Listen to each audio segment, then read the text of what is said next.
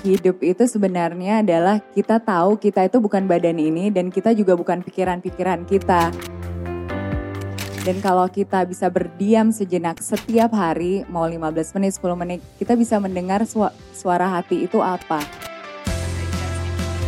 Semua hidup kita itu adalah sensasi, sensasi lewat mata, otak, semuanya adalah stimulasi kalau kita nggak bersihin perspektif kita yang nggak bagus atau kita nggak watch ourselves, kita nggak meditasi, berarti pemikiran itu muter-muter aja, muter-muter aja kayak cycle yang merusak diri kita kompulsif kan.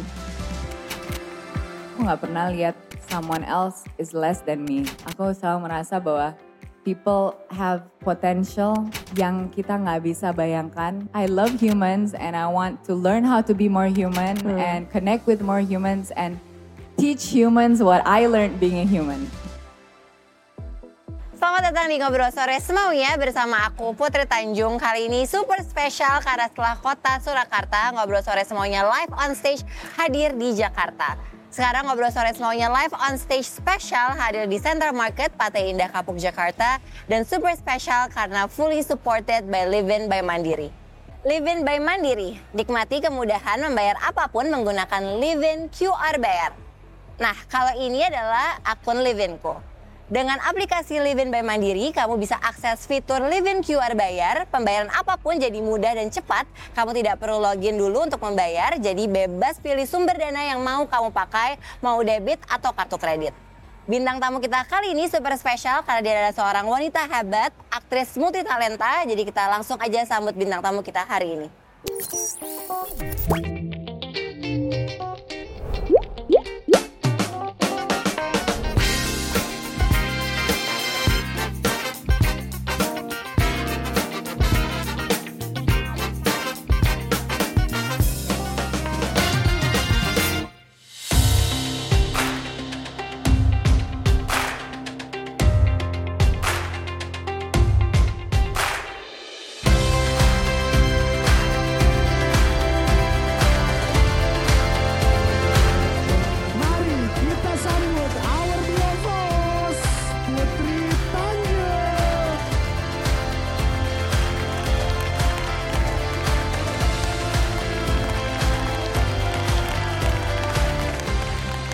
Assalamualaikum warahmatullahi wabarakatuh.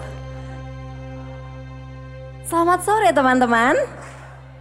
Ih senang sekali bisa bertemu sama kalian semua. Oke teman-teman, jadi hari ini um, sangat super spesial. Kenapa? Karena hari ini ngobrol sore live on stage powered by Livin by Mandiri. Ini sudah di kota kedua. Jadi kemarin kita sempat ke Solo dan sekarang kita ada di Jakarta. Uh, dan hari ini super spesial karena gue akan uh, berbincang-bincang dan ngobrol semaunya sama seseorang perempuan yang sangat luar biasa. Dan dari dulu sebenarnya udah pingin ngobrol tapi nggak sempet sempet nggak kesampaian. Karena beliau sibuk banget ada di mana-mana. Jadi uh, kita nggak usah nunggu lama-lama. Kita kasih tepuk tangan yang sangat hangat. Please welcome Ralin Syah.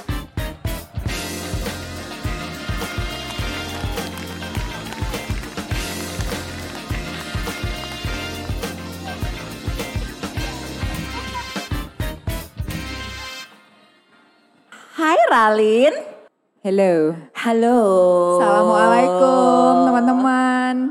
Makasih udah datang. Seneng banget akhirnya kita bisa ngobrol. Aku baru tahu loh teman-teman, ternyata Ralisha tuh deg-degan loh kalau ngobrol depan orang. Iya. Masih deg Tapi aku itu normal gak sih? Normal, aku juga masih deg-degan. Masa sih? Iya, aku masih deg-degan banget setiap selalu, kali. setiap kali. Oh my god. Gak pernah gak deg-degan kalau nggak deg-degan rasanya kayak nggak malah nggak enak nggak sih, Ralin? Tapi deg-degan itu kan sebetulnya bisa juga karena kita excited kan, Betul. bukan karena kita takut. Betul. Jadi kita jadi manusia juga kalau misalnya kita deg-degan, mungkin itu sesuatu yang baik yang akan terjadi. Jadi kita excited. Amin. Aku sangat excited ketemu sama kamu. Masa sih? Iya, karena teman-teman ngobrol sore semua itu udah lama banget mau ngobrol sama Ralin, tapi nggak bisa-bisa karena jadwalnya nggak pernah ketemu. Belum jodoh. Belum jodoh. Jadi Belum jodohnya jodoh. hari ini live on stage di Pick. Jadi terima kasih banyak Ralin. Thank you so much for having me actually. Tepuk tangan buat Ralin Makasih. Ralin, aku pengen tahu dong sekarang udah 2023 ini udah mau habis. Hmm, udah lebih dari Cepet banget setengah loh, ya. udah lebih dari setengah. Apa ada nggak nih di 2023 ini momen yang kamu paling nggak bisa lupain so far apa? Kayaknya aku momen yang paling tak terlupakan tuh di atas puncak Gunung Latimojong. Oke. Nah, eh, beberapa tahun ini aku sama teman-teman kayak bikin plan kita setiap tahun mau naik satu summit di Indonesia. Oke. Sekarang udah empat, jadi yang keempat itu Latimojong kemarin. Serunya. Jadi di Sulawesi Selatan kita terbang ke sana, terus naik mobil 6-7 jam, naik motor lagi sejam, terus pas nyampe ke puncak gunung itu nggak tak terlupakan sih. Karena aku orangnya, pertama aku suka mendaki, dan aku suka banget sama alam, karena alam itu kan kreasi Tuhan yang itulah maksud hidup manusia itu kan untuk bisa merasakan profoundness, immensity, dan keindahan alam itu. Jadi semua yang di-engineer sama Tuhan yang sebenarnya kita nggak tahu maksudnya dia bikin sesuatu yang indah itu untuk apa. Kalau kita kan kalau mau bikin apa-apa selalu ada maksudnya ya kan. Bikin mall, Betul. lampu biar terang. Tapi kan Benar. kalau kita di alam itu kita harus mengikuti ritme alam dan itu itu momen salah satu dari beberapa momen tahun ini yang menakjubkan buat aku dalam dalam experience dalam pengalaman aku di dalam diri aku tuh kayak wow spirit aku tuh kayak terenergize gitu Itu dari jam berapa berarti kamu? maksudnya muncak Iya, muncaknya. oh kalau muncaknya dari jam eh, 2 pagi Oke, dari Ya. jam 2 pagi sampai jam sampainya kalau eh, sa- nggak lo nggak salah kemarin tuh jam 6 ya jam 5 pokoknya Oke, pas pas sunrise. sunrise Ih, pas bagus sunrise, banget iya. pasti. Tahun Pas depan udah sunrise. mau ke mana? Mau daki apa lagi? Tahun depan belum belum ada plan sih, tapi setiap tahun tuh aku minimal satu gunung aku daki. Biarpun di Indonesia atau di luar negeri, insya Allah akan aku daki. Sebelum pandemi, aku mendaki salah satu gunung yang aku impikan untuk eh, aku daki itu Kilimanjaro. Oke. Habis itu Kilimanjaro tutup tuh sampai akhir pandemi juga masih, Masih tutup. Heeh. Jadi bersyukur banget bisa naik ke puncak ke atas sana. Seru banget. Heeh. Aku sebenarnya jujur dari dulu tuh pingin mencoba.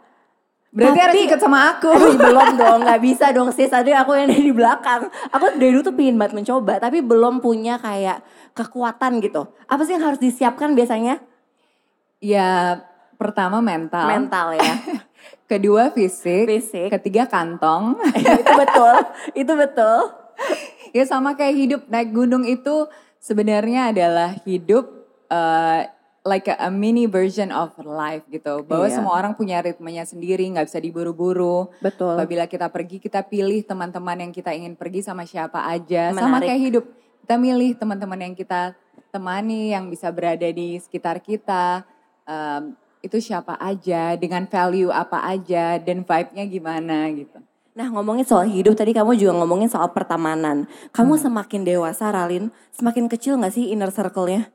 Ya, inner circle saya sebenarnya nggak semakin kecil sih. Inner circle saya malah eh, tambah besar. Oh, Karena oke. menurut saya tambah kita beranjak umur dan insya Allah lebih bijaksana juga, lebih Amin. pandai juga mengolah, memilih orang-orang di mana kita bisa memberi mereka akses ke kita atau tidak.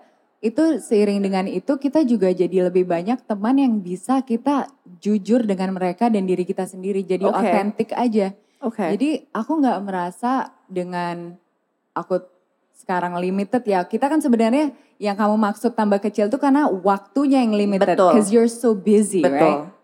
But for me, I actually now see everyone as a potential untuk jadi teman dekat. Karena kalau kita Oke. bisa otentik sama orang itu, kita merasa nyaman. Yang penting kan hati kita nyaman ya. Iya betul. Makanya hati itu udah harus diasah teman-teman, harus diasah perasaannya kayak ini orang bikin aku merasa nyaman gak ya? Values-nya sama gak ya? Jadi sering dengan waktu kayak oh ini ada potensi menjadi teman dekat. Malah teman dekat kita yang dulu udah gak deket lagi karena value-nya berubah. Kan Betul. orang juga And- berubah Dan itu ya. nggak apa-apa. Dan itu gak Nggak apa-apa. iya, apa-apa. benar. That's what growing up is about. Betul. right? Ya karena hidup kita selalu berubah-berubah. Ya. Iya kan? Dan kita memang, aku juga selalu berpikir ya dulu ya, karena value kita tuh ternyata em, banyak berubah karena kita juga ketemu orang, kita punya perspektif baru, tapi kadang-kadang kita juga tidak bisa memaksakan value kita sama sama teman-teman kita yang dulu. Iya benar. Bener kan? Jadi ya udahlah ya gitu, nggak apa-apa. Bukan berarti kita tidak berteman kan? Iya, benar. Tapi ya kita juga tidak bisa memaksakan hati kita untuk nyaman juga kan Iya, dengan benar. itu. Benar. Aku tuh melihat Ralin itu tuh ada di mana-mana. Ya, tiba-tiba di Bali, tiba-tiba di Jakarta, tiba-tiba di US, tiba-tiba di mana gitu kan. Lewat Instagram. Lewat Instagram. Aduh, kayak orang kayak nggak ada capeknya apa. Tapi yang aku penasaran dari ngelihat kamu ada di mana-mana. Iya. What's the biggest lesson learned yang kamu alami atau perspektif baru yang kamu ambil dari semua orang yang kamu temui gitu Ralin? Ada nggak kayak one biggest lesson learned? Sebenarnya one biggest lesson learned adalah semua orang juga lagi mencari jati dirinya sendiri. Semua orang juga sebenarnya nggak punya all the answers seperti kita juga. Dan semua orang ingin didengar, disayangi dan diterima, dimengerti apa adanya. Mau dari penjuru dunia mana pun, di level sosial atau ekonomi mana pun. Dan aku belajar ini kayak selama aku terus traveling itu sebenarnya banyak juga uh, different intentionnya ya niat-niatnya. Ada yang untuk traveling untuk seru-seruan ada yang traveling untuk kawinan teman. Ya semuanya kan ada niatnya. Bukan bukan semua traveling aku itu kerja tapi semuanya mengandung pelajaran-pelajaran yang di mana kalau aku nggak traveling mungkin aku nggak menyadari itu dan apabila kita traveling kan kita keluar dari zona nyaman kita kan Put. Maksudnya kita nggak di rumah. Betul, betul. Kita harus juga learning survi- survival skill kita. Jadi eh, bagaimana di mana kita kalau ketemu orang itu kita masih bisa percaya diri dan yakin bahwa value-value kita itu valid untuk kita share dan kita adalah manusia yang bisa berkontribusi dalam conversation yang bisa add value juga to Iya. that conversation. Iya. Iya. Tadi Ralin bilang soal jati diri. Aku penasaran karena semua orang menurut aku aku jujur masih proses juga mencari sebenarnya jati diri aku gitu. Oke. Karena again menurut aku em, setiap harinya ketemu sama orang banyak terus punya perspektif baru gitu. Iya. Jadi se- selalu bertanya-tanya, Oke. apakah seorang Ralin Syah sudah menemukan jati dirinya?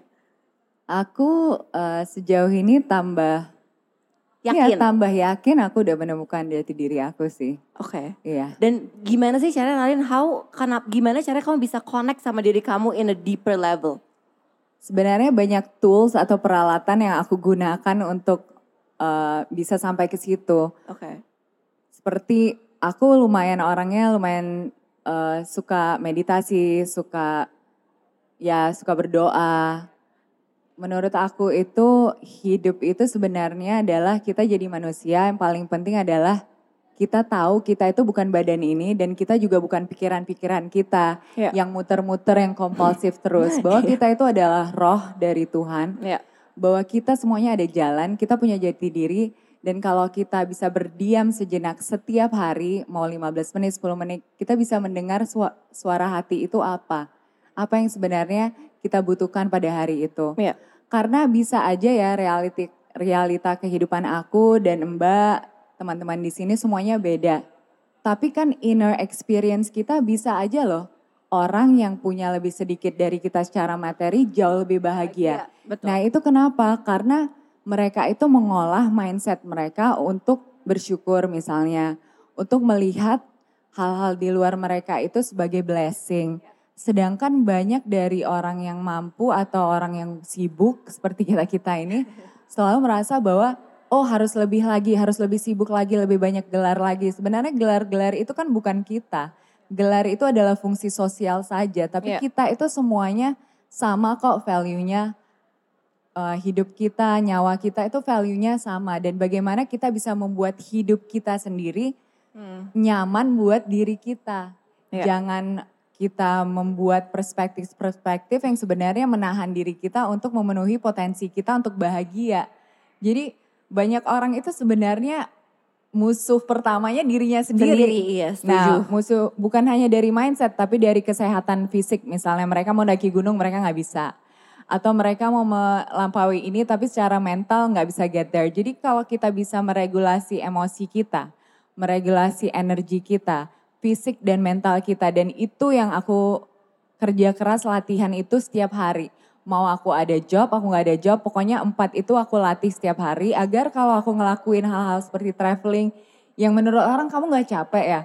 Enggak, karena aku udah regulate emosi dan energi aku segitu banyaknya bahwa aku ngelakuin apa itu ringan gitu. Iya. Mau ketemu orang sama orang baru itu ringan. Sebenarnya public speaking aja yang agak berat. karena kenapa public speaking ini agak berat buat aku? Karena banyak sekali ilmu-ilmu yang aku pelajari, yang aku udah share. Aku merasa itu menjadi beban tanggung jawab aku untuk share sama teman-teman. Tapi aku takut kadang-kadang nggak bisa diekspresikan dengan jujur, dengan baik, tanpa ego dan yang orang tuh bisa paham gitu. Iya. Karena cenderung aku bahasa Inggris, terus orang bilang, aduh nih Ralinsya kok sombong banget sih bahasa Inggris terus. But that's because I'm comfortable speaking Iya. English. So that's why aku kenalin juga tadi ke Putri ke public speaking coach aku. Dia tuh sebenarnya eh, kita udah kenal lama ya.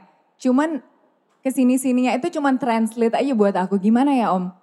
Caranya aku mau bilang ke orang bahwa sebenarnya hidup itu tuh bukan kita ngerjain apa, tapi dengan cara apa kita melakukan hal itu, dengan Iya. energi apa, dengan emosi dan niat apa. Iya. Makanya aku bersyukur banget juga eh, aku lahir jadi orang Islam, jadi aku pahamnya Islam bahwa Islam itu menjelaskan secara baik kalau kita punya niat, intention, Ya. nawaitu, Ya. kita bisa berikhtiar, kita bisa berusaha. Tapi pada ujungnya kita harus ikhlas karena Allah yang menentukan. Nah itu kan hal-hal yang sebenarnya bagus sekali. Iya kan? Betul. Berarti misalnya Putri dapat sesuatu yang Putri suka, Alhamdulillah. Betul. Putri nggak dapat apa yang Putri mau, ya itu berarti Tuhan punya rencana yang Betul. lebih besar. Alhamdulillah juga. Alhamdulillah juga. So like, why can't we be happy? Now, Iya. why can't we be happy? So this past two three years, aku nggak ngambil film, nggak ngambil banyak uh, job in terms of entertainment karena aku ngerasa bahwa aku harus refocus my life nih. Apakah Oke. Film dan entertainment ini jalan aku dan jati diri aku? Oke. Karena pada awalnya itu itu sesuatu pekerjaan yang aku terjerumus atau jatuh di situ karena rezeki aja gitu. Gak ada nggak ada plan sama sekali loh Put. Iya. Jadi artis, jadi terkenal tuh nggak Itu nggak ada pernah? plan sama sekali. Aku nggak ada plan. Tapi Tapi kamu aku dari ju- kecil kan itu? enggak, aku dari umur 27 itu syuting eh, 5 cm. Oke. Eh, tahun 2 waktu umur aku 28 baru 5 cm itu keluar. Oke. Dan sekarang aku 38 berarti udah 10 tahun eh, dan 10 film. Oke. 10 Jadi atau pas 11 ya? film. Ya jadi setiap tahun aku ngambil satu film aku selalu nanya kayak aku tuh sebenarnya artis film gak ya? I, I'll take one film and then next year oh this is a good role. Okay I'll take another film. Iya. Terus habis 10 tahun oh I guess orang kenal aku sebagai aktris ya karena Iya. aku ngambil film. Tapi kan se- lebih dari itu, lebih dari satu film setahun itu kan banyak aktivitas lain yang mungkin dulu sebelum ada Instagram dan aktif orang juga nggak tahu bahwa ya mau artis kan hidupnya juga full fledged gitu loh. Betul. Ralin, tapi aku jadi penasaran. Jadi sebenarnya Ralin ingin dikenal sebagai apa?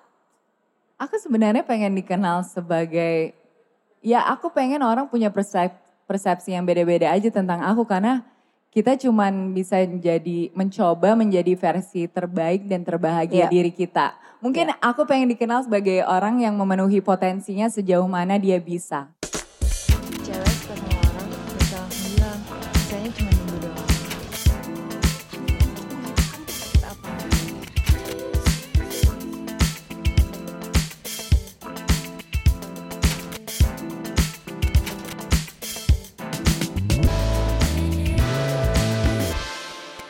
Tapi aku ngelihat kamu ya Ralin, aku tuh seneng gitu. Kenapa? Karena aku merasa kamu tuh selalu dari, of course dari denger-denger dari teman-teman kita gitu ya. Hah. Kamu tuh selalu mau belajar hal baru. Em, kamu selalu mau explore your skill, apalagi yang bisa kamu pahami dan segala macamnya gitu.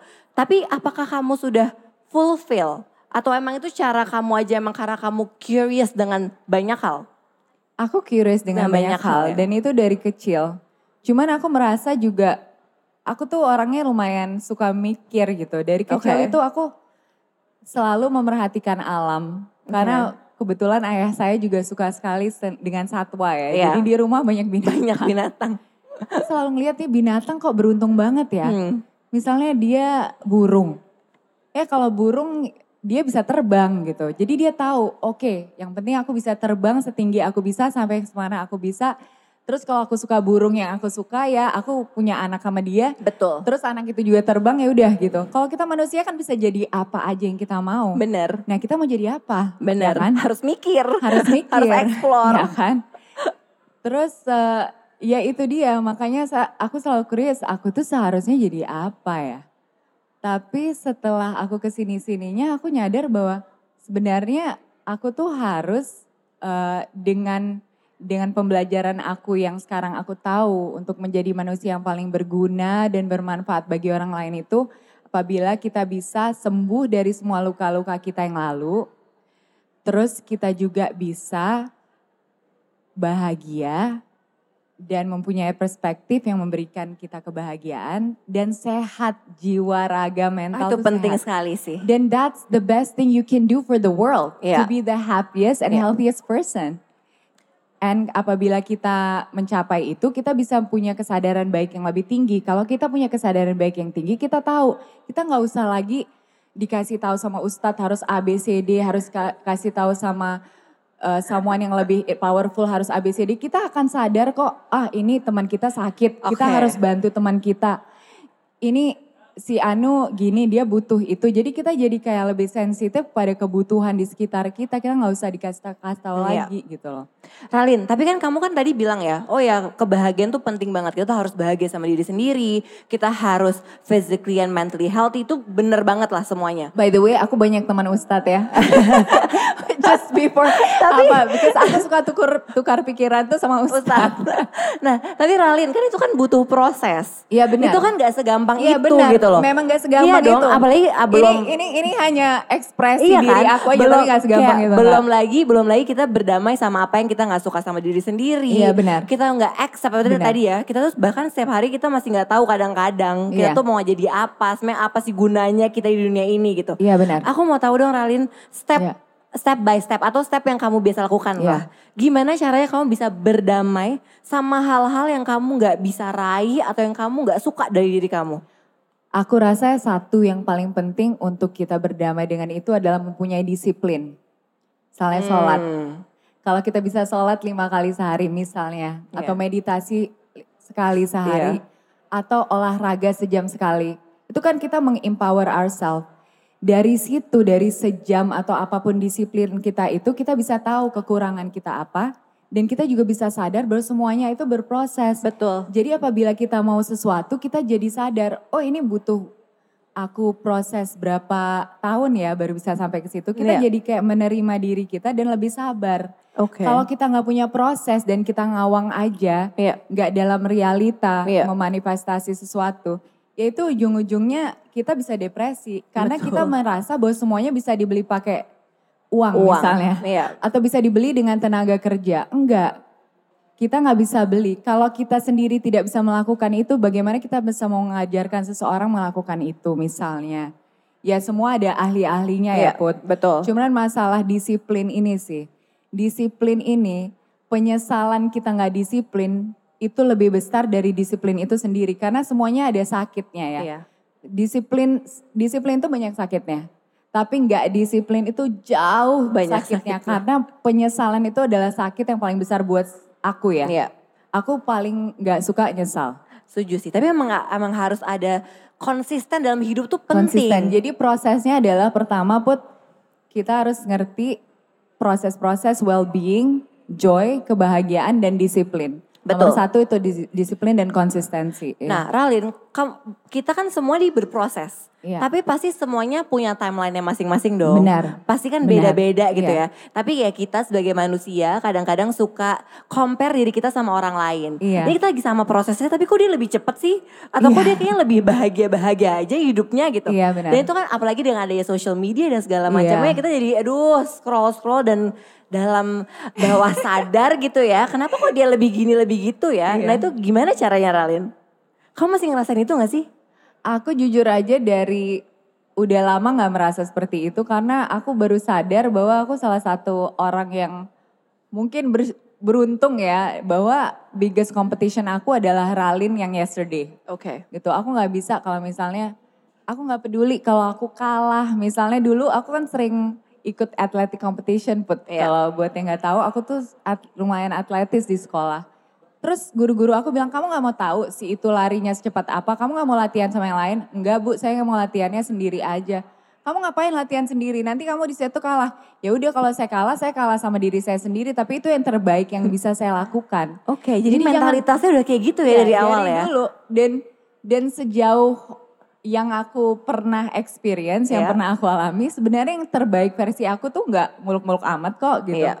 Kadang-kadang menjauhi ekspektasi diri aku atas diri aku dan orang lain juga. Iya. Akhirnya guru bilang, gila lu gak pernah latihan sama orang lain kok bisa menang. Bilang, karena saya latihannya sama diri sendiri bu. Kalau saya kiri kanan nanti saya kalah. Betul. Iya kan? Kalau kita misalnya Betul. lari, saya kan eh, lari gawang ya namanya. Kalau bahasa Inggrisnya hurdles. Dulu I used to run hurdles. Oke. And it used to scare the shit out of me because the hurdle is so high kan. Iya. How am I gonna jump through this? And I'm always like deg-degan.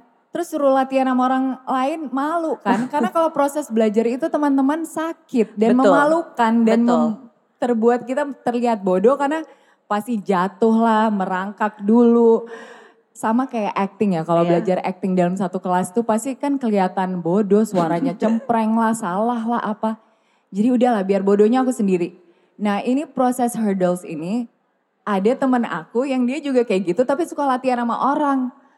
Terus aku bilang kamu nggak keganggu ya latihan sama orang? Dia bilang iya sih jadi ngelihat kiri kanan. Ya udah lihat depan aja, dilihat depan aja udah deg-degan apa kiri kanan. Gimana kan kiri kanan, Iya. bener sih. Jadi akhirnya dia jatuh kan. Abis itu aku bilang udah gue bilang kan jangan lihat kiri kanan. Karena cenderung kalau kita latihannya udah biasa lihat kiri kanan, pas race juga lihat kiri kanan.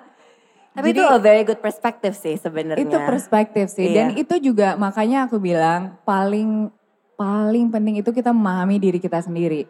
Karena apabila kita memahami kekurangan dan kelebihan kita, kekurangan kita itu bisa kita cari tahu trik-triksnya lah Betul. untuk kita survive gitu. Betul. Karena manusia itu paling pinter untuk survive. Iya, setuju. Dan paling down kalau compare. Karena kenapa yang aku bilang tadi, misalnya pohon apel.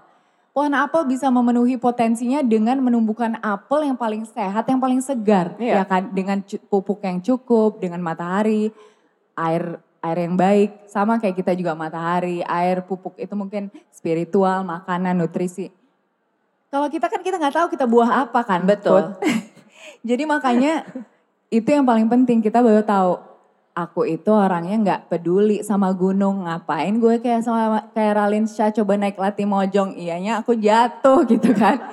Jadi kita juga harus jujur sama diri kita sendiri passion kita atau keinginan kita itu apa? Dan jangan malu sama keinginan kita. Kadang-kadang mungkin keinginan kita memalukan. Tapi kita harus bertanya lagi ini keinginan dari lubuk hati aku nggak ya? Apakah ini salah secara societal? Iya. atau ini sesuatu yang benar tapi kerangka-kerangka society ini membuat ini terlihat konyol. Tapi sebenarnya ini nggak konyol. Iya. sama kok waktu aku jadi aktor itu saya aku kan bilang sama papa aku pengen jadi aktor. Dia dia ngerasa itu konyol banget. Dia sampai ketawa dua menit nggak berhenti. Aku bilang pak kenapa? Kamu tahu nggak sih? Papa itu sekolahin kamu ilmu politik itu. Papa itu sekolah kamu tinggi-tinggi, kamu mau jadi artis, ya Allah, ketawa dia. Kamu tahu nggak sih, artis-artis itu nggak sekolah, mereka tuh cari duit susah, dari kecil harus nyanyi, harus apa. Kamu yang udah hidupnya mudah mau jadi artis, Iya. kenapa gitu kan? Terus aku juga lumayan kecil hati yang kayak nggak semua artis kayak gitu pertama, berarti perspektif dia kan lumayan dangkal pada Iya. saat itu ya Iya. dan dia nggak ngerasa artis itu bisa impactful dan dia mungkin tidak pernah melihat secara langsung artis yang integritasnya tinggi mungkin jadi itulah maksud aku salah satu contoh nyata bahwa kadang-kadang yang orang kira konyol itu kalau keinginan kita dari dalam kenapa kita nggak eksplor kenapa teman-teman karena hidup kita cuma sekali dan kalau kita nggak rajin dan kita nggak percaya mimpi kita sendiri siapa yang mau percaya mimpi Setuju. kita Dan lain ada gak sih batasan waktu untuk mengeksplor diri gitu? Enggak dong. Enggak Kayak dong. misalkan, aduh gue tiba-tiba gue misalkan umur 40 tahun, tapi gue baru menemukan passion gue. Enggak telat dong. Enggak dong. Enggak dong. Karena umur itu kan juga, maksudnya kita nggak bisa mikir secara tahun. Makanya aku nggak Iya. pernah mikir secara tahun. Aku sendiri udah mau 40 loh. Iya, tapi kamu gak kelihatan umur 40. Less than 20 bulan aku udah 40 juga. Cuman aku memang slow. Iya. Aku orangnya emang slow. Masa sih? Maksudnya teman-teman aku udah pacaran misalnya umur 15 gitu aku kayak pacaran ngapain ya? kayak pacaran gue aja gue aja belum bisa survive sendiri mau, Diri, mau- mau, mau memberi iya. kasih kepada orang lain adanya aku mengekstraksi kasih gitu dari orang Dari lain. orangnya. tolong tolong sayang sama aku dong gue nggak bisa sayang sama lu soalnya gue jadwal padat gitu Kasihan. Iya kan? Tolong please. Jadi ke sini sininya aku nyadar bahwa kalau kita mau punya hubungan yang baik sama teman-teman kita, kita nggak boleh ekstraksi apa yang bisa gue dapat dari lo. Iya. Nggak bisa gitu dong. Kalau kayak gitu nggak akan punya teman, nggak akan punya koneksi, nggak akan bahagia. Kita kalau jadi orang itu harusnya kita memenuhi diri kita sendiri sebagaimana sampai cukup uangnya kayak rezekinya kayak ilmunya kebijaksanaan kebebasannya apa pun baru kita share sama teman kita eh gue punya kebebasan loh oh gue lagi punya duit loh gimana kita share ini gimana gimana kita bagi dengan bermanfaat dengan yang baik buat sesama jadi jangan kita datang ke hubungan atau ke seseorang dengan list-list kita yang nggak masuk akal kalau kita nggak bisa memberi itu gitu. Iya, setuju. Makanya aku cenderung orang yang work hard for things. Iya. Karena aku dari kecil tuh kadang-kadang merasa aku nggak deserve ini dan itu Iya. salah loh. Iya. Aku nggak deserve ini atau aku suka self blame. Sampai pada sa- satu saat aku depresi kan gara-gara mindset-mindset aku yang gak sehat ini. Iya. Makanya Bentar, biasanya kamu tuh self blame tuh apa? Apa yang kamu salahin ke diri kamu sendiri? sebenarnya setelah aku lihat ya trajektori Iya. hidup. Jadi teman-teman aku tiga minggu ini aku di India. Oke. Aku ikut transformation course setelah aku meditasi udah setahun. Aku ikut transformation course dari Sadguru. Ada tuh guru yang di di YouTube. Itu perempuan semua. Oke. Jadi kita harus lihat trajektori hidup kita dan kekurangan kita apa aja dalam Iya. satu bagian kursus empat hari itulah. Kita kayak makan bareng, tidur bareng di lantai, mandi kayak di asrama gitu seru deh. Terus yang paling aku sesali dan self blame itu sebenarnya kalau aku nggak make effort. Oke. Makanya aku bilang kalau buat aku sendiri disiplin. Oke. Misalnya kita dalam satu hubungan, misalnya kita pacaran, ini kalau cerita hati pasti banyak yang interest nih. ya kan? misalnya kita putus sama seseorang, kita harus tahu dalam hati kita bahwa kita we tried our best in that Yeah. relationship. Iya. Karena if you don't try your best, you will blame yourself. Yeah. Apalagi kalau kita lebih sayang sama dia daripada dia sama kita.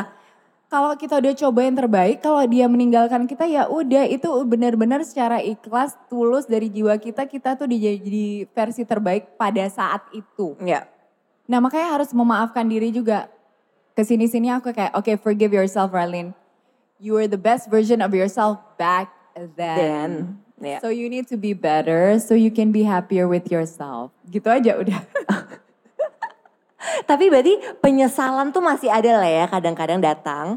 Apa sekarang Sejak- kamu sudah menyikapinya dengan baik? I think sekarang aku udah gak nyesel apa-apa. Cause I'm starting fresh.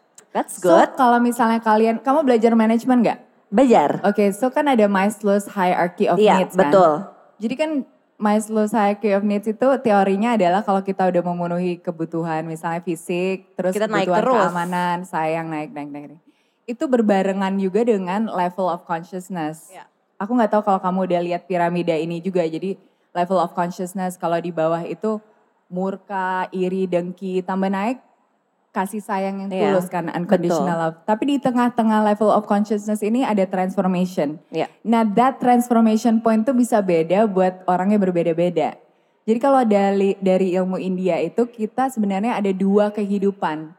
Namanya Dwijas. Hidup yang pertama adalah hidup yang diberi oleh yang semesta, oleh orang tua kita, lifestyle kita, kita Ya. lahir di keluarga bagaimana, itu kan takdir semua. Hidup yang kedua adalah hidup yang kita create untuk diri kita sendiri. Oke. Nah, untuk aku sih, aku lagi proses Dwijas ini. Jadi, I'm like trying to get rid of all my regrets so I can start anew gitu. Bagus dong. Ya, Again tapi butuh proses ya. butuh proses, butuh sakit, butuh sedih, butuh benar-benar tahu dan ingin tahu sebenarnya kekurangan kita di mana. Banyak orang tuh mau tahu solusinya tapi mereka nggak mau menerima kesalahan mereka sendiri, Iya. kekurangan mereka sendiri dan itu sakit emang tapi itu but- butuh lewati. Ya, tapi aku setuju sih itu. tapi dengan itu juga kita jadi lebih tahu sih sebenarnya tujuan hidup kita tuh apa, ke mana gitu. Kalau Ralin udah tahu belum kayak life purpose-nya nih apa sih sebenarnya? Setelah menjalani semua tadi ya sakit, luka, terus juga udah em, apa namanya ya udah explore banyak hal gitu. I think life purpose akan terbentuk lewat pengalaman kamu Iya. dalam diri kamu. Kamu Iya. akan tahu kok. Ya, Tapi kalau untuk aku sejauh ini, I think my life purpose untuk bahagia Oke. dan damai dan share bahagia dan damai itu dan tools-tools yang aku pelajari dengan teman-teman itu sih.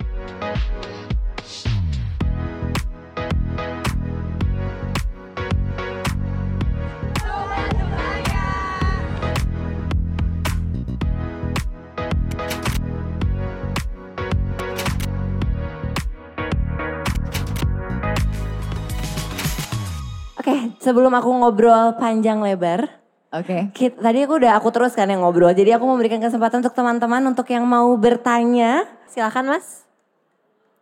Baik, terima kasih atas waktu dan kesempatan yang telah diberikan kepada saya. Nama saya Samuel. Saya mau bertanya, apa yang apa dan bagaimana cara mengetahui jati diri dan dan passion sesuai dari diri dari dalam diri sendiri karena passion itu suka berubah-ubah. Baik, cu- cukup dari saya. Terima Pertanyaan dari saya. kasih. Terima kasih. Gimana tuh Mer- Ralin? Cari passion kita. Pertama aku harus bilang kita lumayan beruntung karena Iya. passion kita juga pekerjaan kita ya. Betul. Nah, di dalam dunia yang komersil ini, banyak pekerjaan yang harus kita lakukan yang sebenarnya bukan passion kita untuk menghidupi hidup kita dan itu fair. Nah, buat aku sendiri cara aku mencari jati diri aku kalau lewat karir ya. Kita ngomongin karir aja dulu. Kayaknya Mas Samuel juga pengen tahunya itu kan. Kalau lewat karir itu aku ada prinsip yang namanya love it or leave it. Jadi kalau aku melakukan sesuatu yang tidak nyaman yang aku sebenarnya nggak suka tapi aku butuh melakukan itu untuk uang atau suatu step untuk karir, bagaimana cara aku untuk bisa love it? Bagaimana aku bisa merubah mindset aku biar aku bisa love it, biar aku bisa tambah semangat. Dan apabila aku udah nambah semangat, nambah ganti perspektif apa segala macam, tapi badan aku masih nggak nerima, jiwa aku masih nggak nerima pekerjaan itu bahwa itu benar-benar menyakiti aku, biarpun aku coba sebaik mungkin, udah aku leave it. Tapi aku nggak pernah leave sesuatu tuh seperti itu aja, sama dengan hubungan. Aku coba dari angle mana pun untuk meneruskan itu secara positif, tapi kalau udah nggak bisa, aku lepasin, nggak ada penyesalan. Nah itu dengan cara itu kita bisa mencari jati diri kita. Karena kenapa? Karena badan kita akan tahu kok, hati kita akan tahu. Ini aku udah make effort 100%. Karena kalau effort hanya bisa dijudge oleh diri kita sendiri. Orang mungkin bisa melihat, nih orang kok nggak males banget sih kerja kok rebahan doang. Padahal sebenarnya karena saking stresnya orang itu perlu rebahan. Mungkin bosnya marah atau cara bosnya ngomong itu sebenarnya biasa aja terkesan sama orang lain. Tapi untuk kita triggering. Karena di pas kita ada trauma lah, ibu-ibu sering marah-marah. Jadi bos kamu ibu-ibu sering marah-marah, kamu trigger.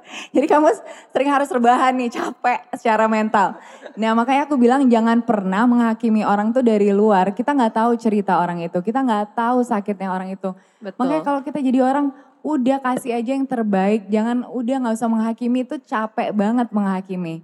Kecuali kita casting director, nah itu harus harus kita judging nih orang bisa nggak ya acting dalam peran ini.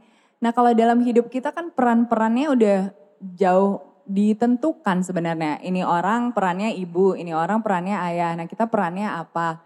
Kita harus tahu peran kita dan kita jalankan dengan baik. Dan insya Allah kita akan mencari jati diri kita. Biarpun mungkin kita tidak mendapat pekerjaan kita itu sama sama align sama jati diri kita, setidaknya kita mencari cara jati diri kita bisa lebih nyaman dengan pekerjaan itu dan bisa mencari diri kita dalam proses mencintai sesuatu yang pada awalnya kita nggak suka.